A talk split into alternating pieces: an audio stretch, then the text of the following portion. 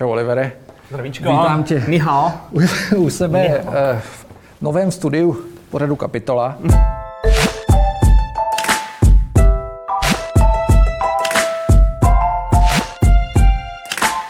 Eh, Já nejdřív tě představím divákům. Tvoje jméno je Oliver Steindler, my se známe, poznali jsme se asi před pěti rokama v Pekingu na velmi náročném tripu. Eh, Seš, žiješ pořád v Číně, seš manažer pro plánování a prodeje eh, Škody Auto.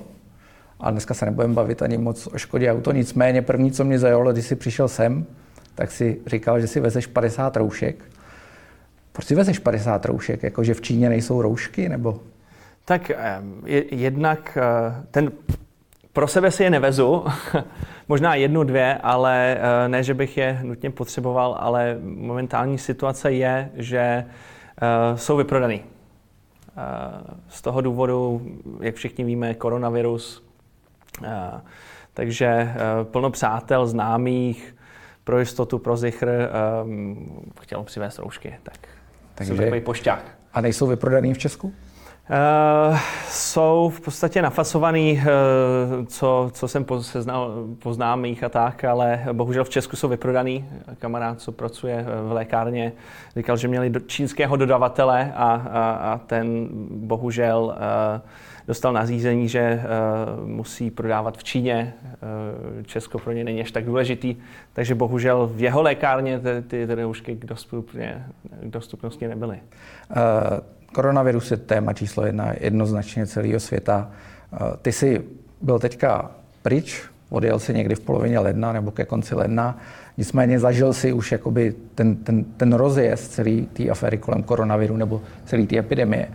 Jak to vypadá? Protože k nám se dostávají kusí informace na sociálních sítích, vidíme nějaký videa, které vypadají dost děsivě, auta plný mrtvých lidí, prázdné ulice. Dneska jsem viděl zrovna jedno auto plný mrtvých lidí. Aha.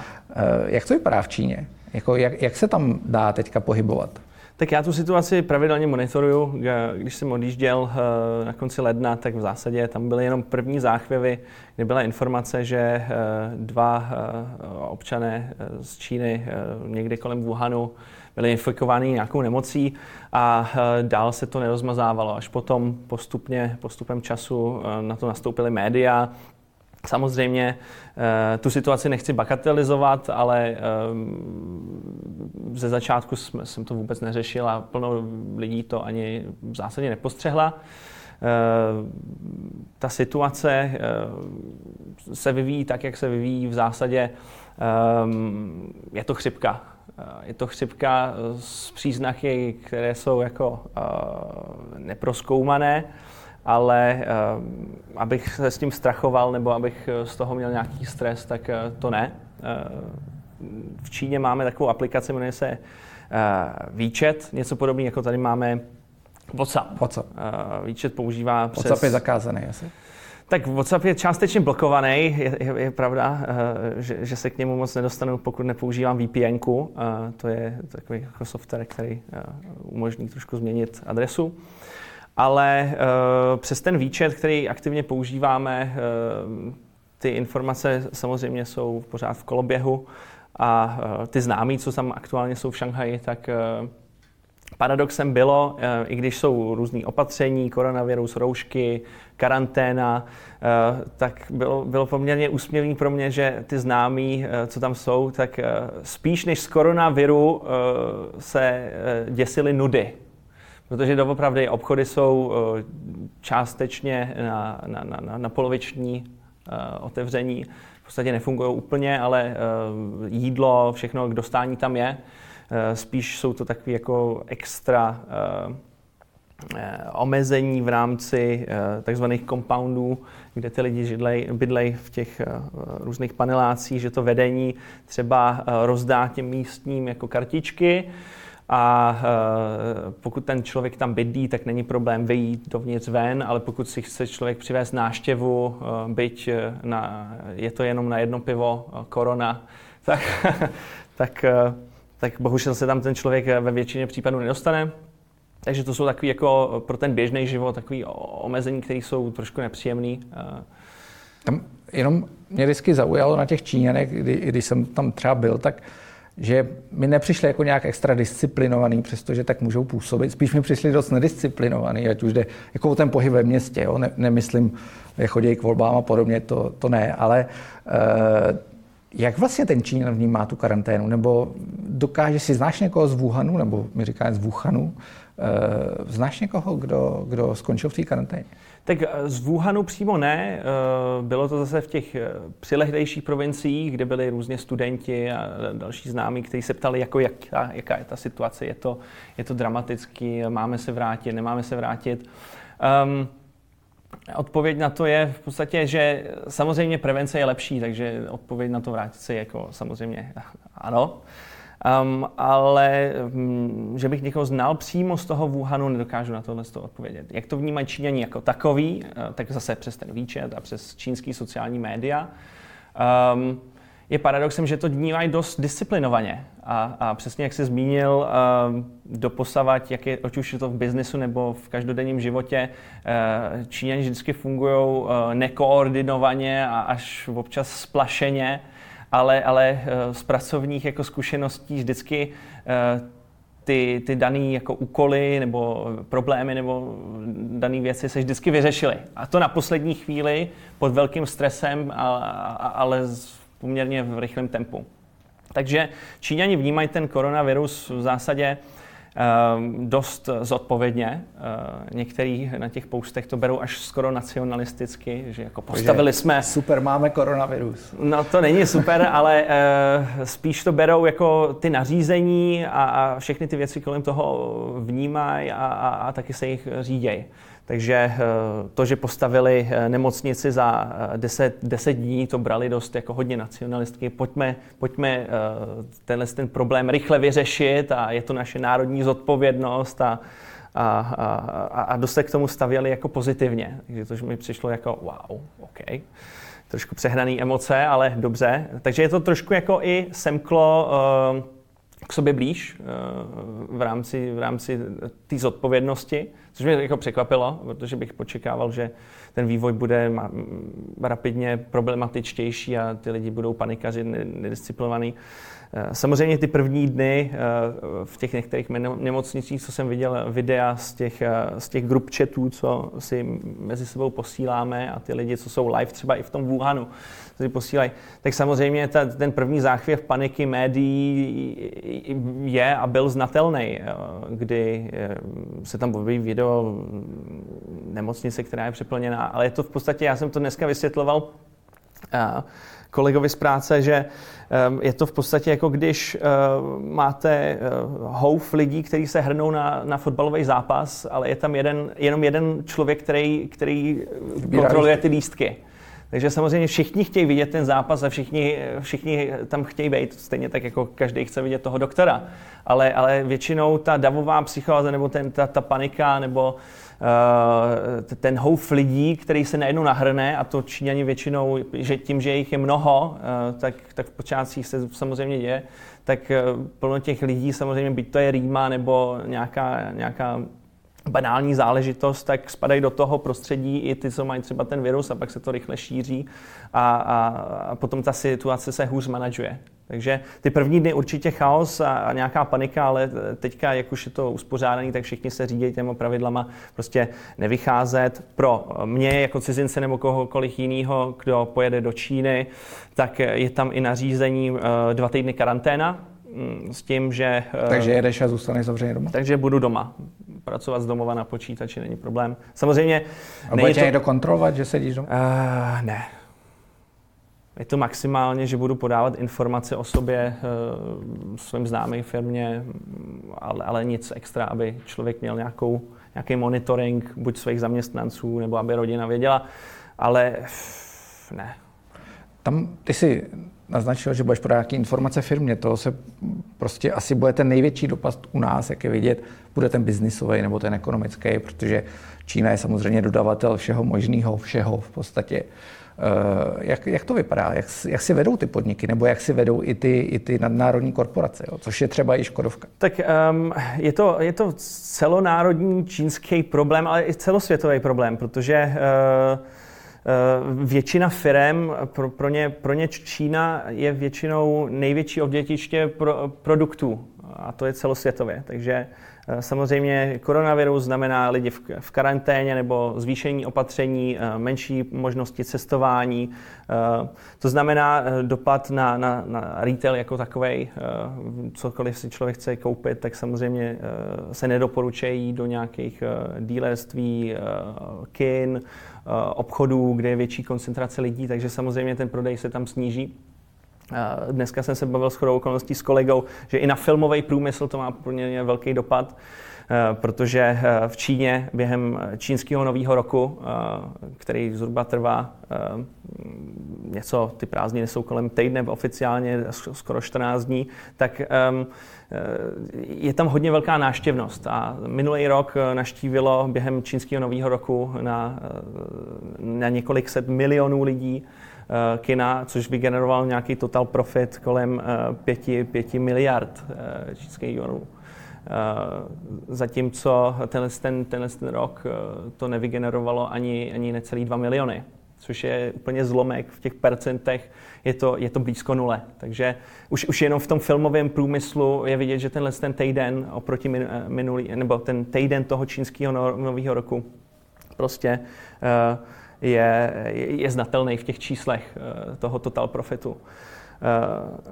Eh, Potom, eh, pokud se bavíme, já nevím, restaurace, že jo, plno, asi plno obchodů, hm, plno restaurací je radši zavřených. Ty, co jsou otevřený, tak samozřejmě nemá, nemají až tolik klientů. Tím chci říct, že v Číně taky zase není všechno úplně zavřený, ať je to restaurace, ať je to nějaký obchod. To je samozřejmě otevřený, ale Eh, lidi jsou spíš opatrnější, že, že nebudou se extra objímat nebo budou mít masku, ale tím chci říct, jako, eh, je to virus, není to zase nějaká fobie, eh, která by měla panovat z lidí nebo z naštěvování míst, ale, ale má to obří dopad. Co je zajímavé zase na druhou stranu, tím, že lidi nechtějí chodit do těch obchodů, kupovat si věci fyzicky, tak ty firmy se snaží všechno řešit hodně online, online retailem. Tudíž jak se, a to je zajímavá taková jako pro ten business case situace, kdy uh, ta firma se snaží, nebo ten, ten, ten, ten, ten obchodník se snaží přiblížit tou nefyzickou formou. Tudíž uh, různé uh, slevy na typu uh, Eh, home deliveries, eh, takže dodej do domu, eh, ať už je to třeba jídlo, který samozřejmě v Číně je paradoxem, že přes tuhle tu aplikaci výčet člověk klikne jednou a hned mu přijde člověk s jídlem. Ale i mimo to třeba nákup produktů, třeba ať už je to třeba auto, ať už je to mobil nebo cokoliv. Snažit se zase přiblížit k tomu, k tomu, k tomu zákazníkovi. Eh, třeba online, online eh, nebo virtuální dílerství, jo, že si člověk může přes ten mobil zhruba eh, prohlídnout to dílerství tak, jak je nafocený, tudíž má ten pocit, jako kdyby tam byl, i když tam není. Takže takovýhle různý trendy spíš zase přibližují ty online trendy a oddalují to fyzično, což mi přijde poměrně zajímavý jako vývoj nečekaný. Takže v Číně už lidi nebudou muset chodit na ulici a všechno pojede skrz mobil. Tak ono i předtím... A mě na tom výčetu teda jenom skočím, to je, to je no. prostě zajímavá věc. Když jsem tam byl, že my nejsme zvyklí, využíváme ty aplikace jenom pro komunikaci, ale oni tím platí a což mě přišlo, a to jsme, když jsem tam byl naposledy pět let zpátky, tak uh, to mi přišlo neuvěřitelné. Jako, jo, co, co všechno lze v té aplikaci dělat, což tady není v Evropě žádná taková aplikace. Je, je zajímavé, že výčet má 1,3 miliardy aktivních uživatelů a uh, Instagram jako takový má taky kolem tohle z toho čísla. A teďka si vezme, vezmeme, že Instagram je eh, globální aplikace a, a, a výčet eh, je, je hodně limitovaný na tu, na tu čínskou klientelu nebo na ty zákazníky. Um, výčet ale naproti třeba aplikaci WhatsApp um, kombinuje nejenom komunikaci a různý formování skupin a group chatů, a tak i poskytuje v podstatě platební možnosti. Eh, takže v téhle oblasti já si, jak jsem předem zmiňoval, můžu objednat eh, z restaurace eh, doručení nudlí až, až domů. Můžu si přes internetový portál, který je jeden z největších, Alibaba, nakoupit v podstatě, ať už jsou to ponožky, záclony, až po nějakou motorku nebo boxovací pytel s, s, s rukavicema. Takže už, už, už jenom tímhle s tím trendem ty Číňani nebo ta čínská populace a klienti jsou strašně blízko a jsou na to zvyklí. a dokonce i pracovně v podstatě člověk eh, te- telefonuje ne přes mobilního operátora, ale používá data, aby mohl používat ten výčet, přes který můžu udělat video call, můžu eh, s ním uh, psát, můžu s ním, no prostě všechny aplikace, co, co kombinuje třeba Facebook, WhatsApp, tak to je všechno naházené do toho jednoho komba, uh, který používá ten výčet. Takže už v tomhle tom je to poměrně napřed. OK, ten, tam já teďka trošku přeskočím, ale uh, dostanu se k tomu tvýmu životnímu příběhu, protože mm-hmm. ty jsi odešel z Česka jako poměrně mladý, nevím, bylo ti 18. Ale nějak no, 17. Bylo ti 18, odešel si do Tajska. A jak jsi se vlastně v té Číně ocit? Protože odešel si do Tajska, pokud se nepletu, a, a pak se objevil v Číně a mluvíš plyně čínsky, což je pro mě úplně jako neuvěřitelný. Myslím si, že mluvíš japonsky. Taky. A myslím taky. si, že mluvíš tajsky. Trošku, no. Což, což je jako eh, trošku eh, sci-fi pro mě, teda mluvím dvěma jazykama, myslím si, že to stačí bohatě. Jak se s tomu dostal vlastně? Tak on, ono už k tomu inklinovalo. Uh, máma, je, máma je Slovená a táta je Čech, takže já můžu říct hrdě, že jsem Čechoslovák a to, to, to spů všude, kde jsem po světě, že jsem Čechoslovák a že jsem stoprocentně uh, vyroben v Československu. Um, ale v podstatě svýho času já jsem studoval na, na, na Helichovce na francouzském uh, gymnáziu. Rize jsme měli předměty ve francouzštině. A svýho času byly možnosti stipendií, a tak jsem se různě díval. A najednou se objevilo stipendium, možnost hlášení se i do Tajska. Takže tam jsem se hlásil, udělal jsem různé zkoušky z matematiky, z, z jazyku a tak dále. A tam mě přijali. Takže to byla britská mezinárodní škola, kde mi v podstatě hradili nějakých 90% stipendium. A, takže e, tam jsem se vydal a tam už jsem částečně trošku studoval e, čínštinu. E, jak se člověk svým časem jako i dozví, tak e, nejvě, nejlepší klíč do srdce cizince nebo, nebo příslušníka jiné národnosti je ten jazyk. A, a při tom, že jsme tam měli, že to je britská národní škola, takže do nás poměrně dost tlačili angličtinu, že jo, já už jsem uměl svého času francouzštinu, takže jsem tam i rozvíjel francouzštinu, to ta čínština a ještě, eh, když člověk chtěl se svýma spolužákama mluvit o trošku blíž, tak i ta tajština. Takže se to tak jako nenásilně na mě nabalilo. I, i, i v podstatě jsem tam byl prezident jeden čas v té školní komunitě, nějaký Rotary, Rotary Interact, takže Eh, to je taková charitativní organizace, takže tam ještě víc těch jako lidí eh, z celého světa se objeví a potom, když se plnějí různé charitativní akce, i byť to je třeba nějaký siročině v Ajsku, tak, tak je to takový jako skloubení té kultury, toho jazyku, toho všeho, těch dovedností. No a potom, co jsem dokončil tu britskou mezinárodní školu, ty dva roky, tak jsem eh, zvažoval kam dál. A, a svýho času, že už jsem trošku uměl čínštinu, tak Čína částečně byla jasná volba i když jsem se hlásil jako do Anglie a tak dál, chtěl jsem zkusit pořád o něco víc tu, tu, tu Asii. Takže jsem volal domů a rodiče hnedka, máma slovená, Zbláznil že... ses? Částečně jsi zošalel. No, ale potom, ale potom eh, ve výsledku říká, no a když se vrátíš v jednom kuse, tak je to dobré, tak to vyzkušaj. No, tak jasné, tak jdem. Takže uh, jsem se ocit první rok prostě v Číně jazyk, tam to bylo intenzivní, tam to bylo poměrně dost takový jako Protože tam zase tolik lidí neumí anglicky, jako tam se nemáš moc jak domluvit. Tak ne? a já jsem tam šel s očekáváním, že to půjde jako hladce, ale Naštěstí jsem měl ty základy čínštiny, takže to šlo. Dokonce i jsem tam měl na základě toho, že jeden známý e, říkal, že na té univerzitě, co jsem se dostal, tak tam je e, jedna rodina, která je s ním jako zpříznivá, jsou ty jeho známí. Tak se o mě postarají, tak jsem říkal OK, tak tím pádem člověk tam má zázemí a nějak se s nima domluví. Ale když už potom šlo do Tuhýho, do Vostra, když jsem tam přijel, tak řekli, my vás neznáme. A svýho času já jsem tam ještě předtím o prázdninách procestoval kousek Číny, abych se ujistil, že to je pro mě to pravý Vořechový. Ale i když jsem je naštívil na těch pár dní předtím a teďka jsem tam měl na Vostro, tak řekli, my vás neznáme. Takže eh, v 6 hodin na druhém konci světa s minimem eh, jazyku jsem byl docela překvapený, takže to byl úplně šok, úplně jako jsem volal domů, co s tím a tak. No a uh, rada do života v podstatě, no tak jako když člověk uh, neví, neví, co dál, tak je dobrý přespat jeden večer a potom, když je člověk klidnější, tak může dál operovat. Naštěstí jsem pak zjistil, že ta univerzita, to všechno tam je, tam je zařízený, že tam je nějaká ubytovna. Takže to byl můj první rok. A uh, tam jsem se učil jazyk. No a ta radost pro čínštinu, novou kulturu, kde se člověk seznámí s plno lidma uh, a překlene si tu takovou tu hranici toho, toho stresu z toho neznáma, nebo z toho strachu hlavně, protože ten strach má většinou větší oči. Tak jsem to překlenul do toho, že že jsem pokračoval. Takže potom jsem v podstatě dělal čtyři roky uh, magisterský studi- uh, bakalářský studium se, se zaměřením na, na, na čínský obchod. Ale jakoby ta technika, jak se naučíš tu čínštinu, protože to je tak, máš jedno slovo, který má, vyslovuje se každý trošičku jinak a po každý znamená něco jiného. Jo. Jo? Jako ta technika, se, jak, se, jak se to naučíš? Tak, to přeci neodposlechneš, nebo Evropan to neodposlechne. Částečně já a moje sestra, tak my jsme od malička museli hrát na piano. Eh, ve výsledku moje sestra byla o něco lepší.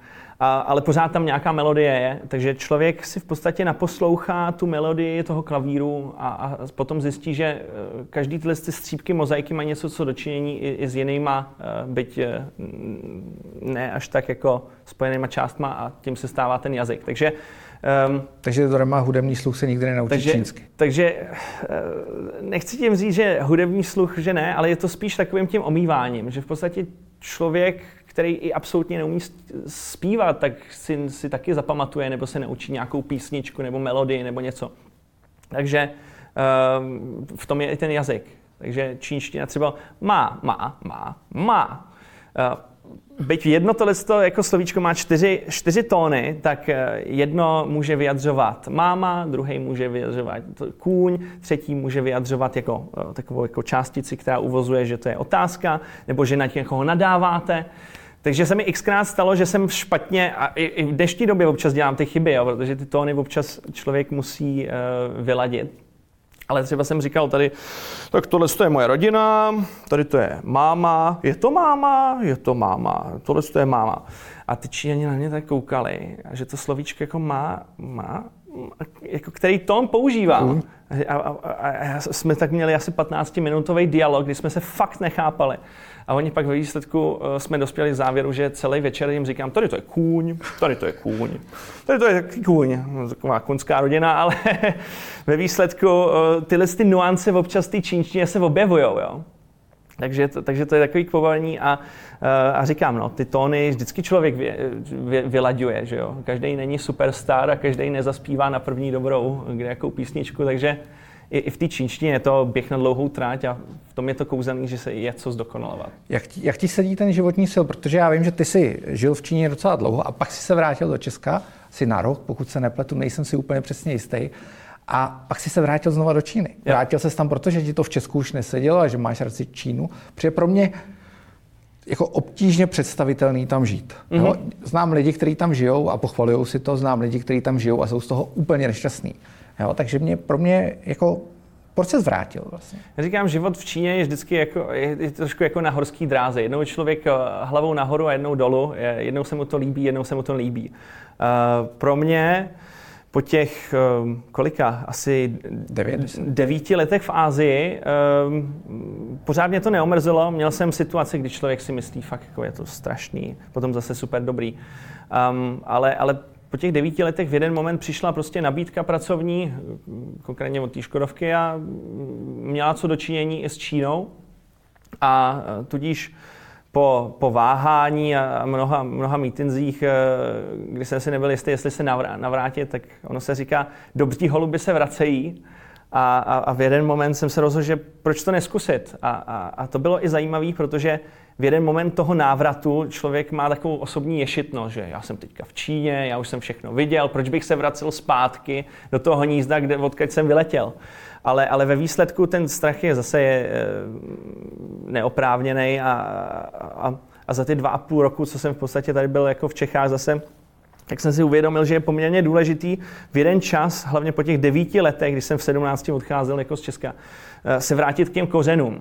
Protože člověk má potom takovou tu tendenci trošku plavat eh, jako sám voják v poli a, a, a nemít takovou tu kotvu, ať už je to taková ta kulturní i rodina a tak. Takže bylo fajn se vrátit zpátky k rodině na chvíli, k rodičům, se svýma spolužákama se sejít, pracovně zjistit, jak vlastně se dělá biznis v Evropě takže to je úplně zase něco jiného oproti Číně, kde jsem pracoval, studoval.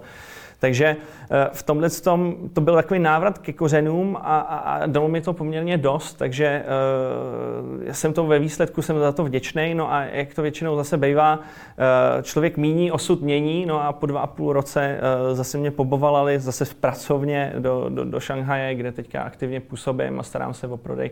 Takže říkám, je to zase zkušenost, za kterou jsem vděčný. Jak jsi vnímal, když jsi se vrátil po tolika letech, tu debatu o Číně v Česku? Tady Čína je poměrně jako negativní slovo, eh, různě se to řeší, na jednu stranu máme tady hrát a tak dále, eh, podpora čínské investic, pak nepodpora čínské investic. Do, vlastně ta debata je velmi vyhrocená. Jsou dva extrémy, jeden jako velmi podlejzavý, jeden velmi, velmi eh, negativní. A není tady nikdo, kdo by vlastně říkal, hele, jako můžeme dělat s Čínou biznis a, hmm. a zároveň si můžeme myslet něco jiného. Je to tady vždycky, buď jako nedělejte biznis vůbec, anebo dělejme biznis a, a zároveň mějme zakrytý oči, jestli nic neděje. Hmm. Tak co se týče biznesu, tak Čína eh, vždycky bude velký hráč a je, a je, je trošku uh, malomyslný nebo je trošku malicherný zavírat před tím oči a, a přiklánět se jenom na jednu stranu, že budeme dělat biznis jenom s jedním a s druhým zase ne. Ne, musí to být vždycky souhra dvou faktorů a vždycky najít ten průsečík. Ale, ale, ale je pravda, že jsou tady, panují tady v Čechách dost vyhraněný názory, eh, které jsou samozřejmě pochopitelné. Já jsem sice dobu před 90, eh, 90. letma eh, nezažil, ale znám z vyprávění. Takže, takže je to v podstatě ten takový ten ta, ta, ta, taková ta, ta, ta verze, že je to antikomunistický a samozřejmě je tady od, od 60. let, kdy Rusové samozřejmě že jo, uh, přišli do Čech, takový ten jako negativní pohled na všechno, co je komunistický, všechno, co je jako rudý, tak je špatný. Uh, a samozřejmě vždycky, když se ta retorika změní na Rusko, tak ty lidi jsou úplně z toho, je, že Rusko je špatný. No a tudíž ta, ta logika potom je taková sice překroucená, ale když Rusko bylo jednou komunistický a bylo zlý, tudíž i, i Čína, která je komunistická, tak musí být ergo proto zlá. Takže tenhle ten, jako ten faktor toho, toho toho jistý křivdy v těch 60. letech a potom, co následovalo až do, do, do konce 80. Eh, let, tak, tak samozřejmě je v tom povědomí toho národa, aspoň je to tak z mé perspektivy. Nikoho ne, ne, ne, neparafrázuju a nechávám, si, eh, nechávám každému otevřený teď jeho názor. teď už budeš označený za čínský agenta. Nebo? Tak eh, mě to kamarádi běžně říkají, a, a, ale, ale radši potom to, mlčím a, to oni mi, taky. a oni mi většinou jako řeknou víc o Číně, co si kde načetli nebo co kde viděli a já to tak beru, je to jejich názor. Já většinou říkám, jak to cítím nebo jak tam, jak tam žiju. Ale, ale, ale je to prostě ten, tenhle ten názor, no a potom eh, člověk musí přihlízet k těm 90. letům, kdy prostě tady byla velká retorika uh, typu, uh, typu lidský práva, což je poměrně taky důležitá věc, no a potom euroskepticismus za dalšího prezidenta, no a teďka je to zase od jednoho extrému k druhému extrému zase ergo Čína. A já si myslím, že plno lidí si to nedokáže zařadit, a e, bohužel většina věcí tady není i e, mediálně interpretováno, kde sice my se stavíme na, do pozice e, lidských práv, které jsou důležitý, ale potom třeba v Anglii britská královna vozí jako prezidentský, to není ani prezident v Číně, tam to je v podstatě předseda, předseda strany což je většinou tady jako nazýváno, že je prezident, tak v podstatě vozej čínský hodnostáře s zlatým kočáře. Takže, takže je vidět, že my sice se snažíme být moralisti, ale zase na druhou stranu ty země, co by měly být moralisti, zase se dívá na tu biznisovou stránku. Takže eh, co je správně, co je špatně, to nechávám na každého, ať si vyloží sám, ale, ale je poměrně malicherný eh, se stavět do pozice, eh, tohle je rudý a tohle je špatný a tady to je zase modrý a to je dobrý. Eh, musí se vždycky najít nějaký balans, a, a, ať už to biznis pro různé vztahy, ale aby se šířila nějaká nenávist nebo je to špatně. A, a, a, a mělo by tam, měla by tam vždycky být nějaká reference, že OK, my jsme Češi, ale i jiný země to řeší jinak. Proč to řeší jinak? Proč se dívat fakt jenom, dát si klapky na oči a řešit to jedním směrem? Takže... OK, ty jsi ještě nezmínil, že jsi v Číně uh, vystudoval, vystudoval ještě čínskou medicínu, jo. čínskou medicínu, což je uh, pro nás trošku šarlatánství, no pro, pro mnoho z nás trošku šarlatánství. Jak, jak tě vlastně napadlo studovat čínskou medicínu? Ty jsi teďka v podstatě čínský doktor. Dá se to tak říct? Certifikovaný jo, dokonce. Takže, takže spoustu z nás bolí záda, takže ty, když přijdeš a necháme si tady hodinku, tak všechny srovnáš. Tak, eh, tak děvčata opíchám a chlapy nabaňkuju, ale to zase, ale jehličkama. Uh, ale... Uh, Budeme se vystříhnout nový píp. Uh, tak ještě jednou se k tomu ne, vrátím. Ne, ne, ne. ne, ne ale... Uh, tady prostě, žádná cenzura nepanuje. Super, ale uh, ne. Uh, v podstatě uh, studoval jsem to po dobu tří let. Uh, jak jsem se k tomu dostal? Já jsem akutní zánět dutin, kde, uh, kde, kde mě léčili v Boleslavi, doktor Podhola, dokonce i jsem podstoupil o, o, operaci, která byla fakt jako vážná, že člověk u toho mohl umřít, takže to ještě jsem to přežil díky eh, dobrému doktorovi.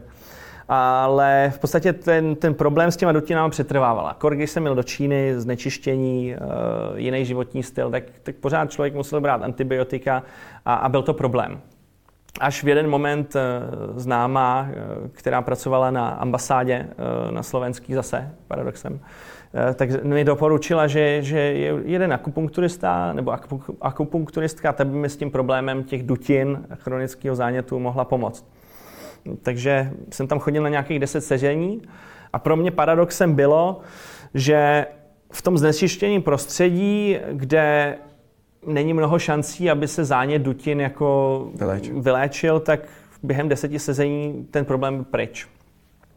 Um, takže mě to začalo zajímat, tu, tu doktorku jsem bombardoval tisíci otázkama. No a potom, tím, že mluvím čínsky, tak v podstatě řekla, tak se přihlaš, tady máme zkoušky, sice program už začal, ale když si doděláš rozdílovky, tak tě tam přijme. No a potom jsem tři roky to studoval. Eh, dopoledne vždycky tam byla jako eh, určitá jako vizita s tou doktorkou, kde člověk viděl normálně, jak to funguje v tom zdravotnictví, jak to aplikujou. No a potom odpoledne teorie. No a v zásadě eh, teďka, protože jsem vytížený úplně v jiné sféře, tak, tak to aplikuju spíš jako hobby. Věřím a jsem z toho názoru, že čínská medicína se musí studovat dlouhodobě a tam je trošku problém, eh, že plno těch teorií jsou, jsou evropskému pacientovi nesrozumitelný a, a i vědcovi, i doktorovi. Takže, takže, takže proto taková ta, to, to nepochopení. Ale co je pro mě vždycky důležitý, uh, jsou ty výsledky. A, a, a to se mi líbila jedna jako uh, taková věta, že nesuď strom podle toho, jak vypadá, ale jaké má plody. A, a, a pro mě to odvětví té čínské medicíny, nebo respektive, protože ta čínská medicína je strašně obsáhlá, jo, takže to je taky tak trošku neuchopitelný, co je, co není čínská medicína. Tak zrovna ta akupunktura jako taková, pokud je ten doktor, který fakt jako má ty zkušenosti a zabývá se tím poměrně dlouhou dobu, tak, eh, tak v podstatě mě ten problém vyřešila a ten výsledek pro mě byl, že ten chronický zánět dutin já v podstatě v dnešní době nemám. Takže teď, kdyby si se vrátil do Česka a otevřel si uh nějakou praxi na čínskou medicínu, tak asi by si se ti vedlo docela slušně. Proč jsi to vlastně neudělal takhle? To je jako moje první otázka, proč jdeš radši do korporátu, než aby si se živil tímhle, což jako z mýho hlediska a, a vím o spousty známých, který chodí k nějakému čínskému lékaři v úvozovkách. To neudělal? Tak mě hlavně zajímal eh, to jako první bod, protože já jsem si vytyčil takových pár životních bodů, který bych chtěl jako splnit, tak ten první bod bylo být most uh, mezi, mezi Ázií a Evropou. A to v podstatě v tom korporátu se daří, protože já jsem taková spojka mezi tím biznesem v Evropě a, a, a v Číně. Zároveň jsem si vědomý, že má, mám eh, svůj poměrně eh, útlej věk a, a, a je, je vlastně? To by... 28. 28. Já teďka už 29, tohle to pondělí. A vedle tebe trošku propadám vždycky depresi, teda musím říct. A, a v podstatě jsem si vědomý, že, že je co ještě střebávat, co se učit a, a v tom korporátu. Já předtím jsem byl jako, uh, jsem měl na starosti distribuce, nebo jsem byl šéf distribuce v, v čínské televizi. Uh, televizi nebo společnosti, kde jsem distribuoval pro Fox Sports, Star Sports, různý programy, které jsme vyprodukovali. Takže to byla zkušenost té malé společnosti. Pak mě začala zajímat ta větší, protože to je vždycky rozdíl. Je to vždycky práce s lidma, takže zase nasávám jak houba ty zkušenosti a snažím se ještě i do toho dávat to, co jsem se naučil za tu dobu fázi. A ta čínská medicína je můj dlouhodobý plán, že když 60 už... letech. Asi tak, 50-60 let, no proč ne? že v podstatě, když už budu omezený těma žabomyšími vlákama, který různě jako panují v korporátu nebo v, v, v, v různých jako oblastech toho biznesu, tak v podstatě můžu zúročit tyhle ty business vlastnosti v tom, um, v, to, v, to, v tom, v tom uh, zdravotní oblasti, což jako ty, ta čínská medicína není od věci. A částečně jako hobby se to už snažím teďka jako rozvíjet. Ehm, je tady určitá skupina lidí, kterou podporuju a jsem členem pro, pro fondu pro rozvoj tradiční čínské medicíny eh, tady v Čechách. A, a v podstatě tím cílem je zvyšovat informovanost a povědomí eh, tady, tady, tady v Čechách o čínské medicíně. No a zároveň, eh, pokud se k tomu váže nějaký workshop nebo něco takového, tak, tak to milé rád podporuju. Takže to není, že by to stagnovalo, tohle ta věc, ale pomalu se ji snažím podporovat. Takže eh, byť se ty různé body té mozaiky zdají být jako eh, ne až tak jako úplně eh, svázaný, tak se snažím propojovat v podstatě tu know-how v tom biznesu i tu čínskou medicínu, ale samozřejmě, abych tu čínskou medicínu rozvíjel jako pořádně, tak to si nechávám až na později a zatím pro přátelé známe Eh, není problém. Tak já přijdu někdy se zádama. Já ti děkuju, že jsi byl prvním hostem našeho nového pořadu a, a určitě se zase někdy vidíme. Hlavně pozor v Číně. Já si to pozor vážím. na koronavirus. Tak uh, korunu, korunu velou si jenom zapít. Kor... ne koruna, ale koronu zapít jenom pivem koronou a, a šešě, uh, zajděn, jak se v čínštině říká, nashledanou a, a díky za důvěru do mě vloženou. Děkuji. Díky. Díky.